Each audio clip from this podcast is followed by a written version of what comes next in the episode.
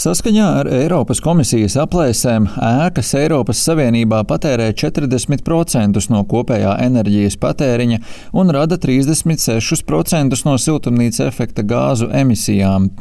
2021. gada beigās Eiropas komisija pieņēma priekšlikumu pārskatīt ēku energoefektivitātes direktīvu, kas ir daļa no zaļā kursa tiesību aktu paketes.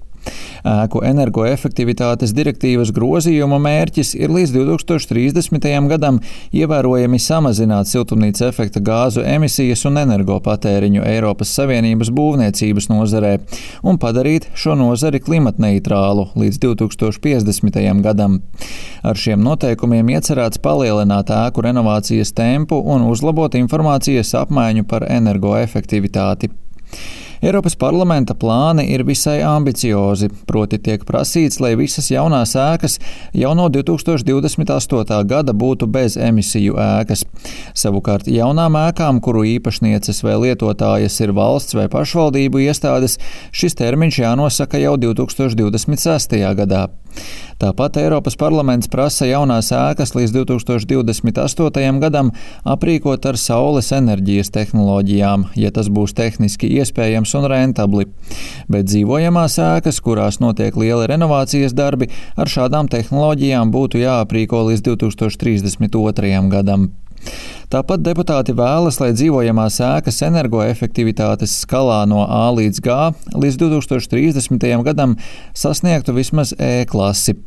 Ēkām, kas nav dzīvojamās ēkas un sabiedriskām ēkām, šī klase būtu jāsasniedz attiecīgi līdz 2027. gadam. Vēl daži gadi klāti doti, lai sasniegtu arī D klasi. Ieguvumus skaidro par ēku energoefektivitātes direktīvas jautājumiem atbildīgais Eiroparlamenta deputāts Kirans Kafs. This winter,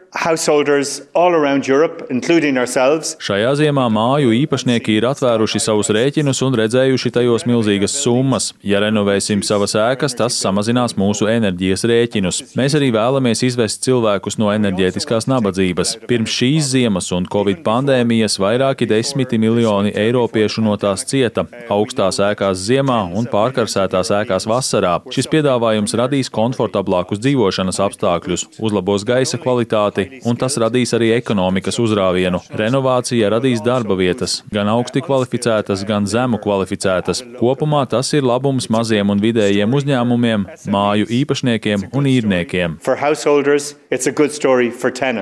Viņš arī uzsver, ka jaunie noteikumi ievērojami mazinās Eiropas atkarību no gāzes, un kopumā tie raksturojami kā godīgi, realistiski un fleksibli, piebilstot, ka tajos ir arī izņēmumi.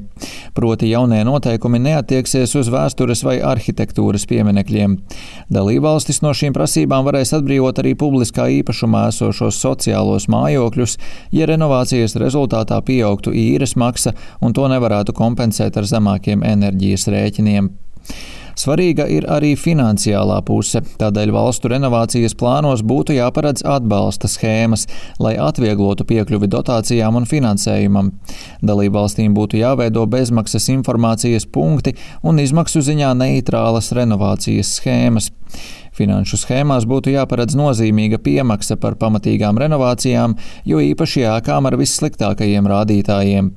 Neaizsargātām mājsaimniecībām būs jāparedz iespēja saņemt dotācijas un subsīdijas. Rihards Plūme, Latvijas radio.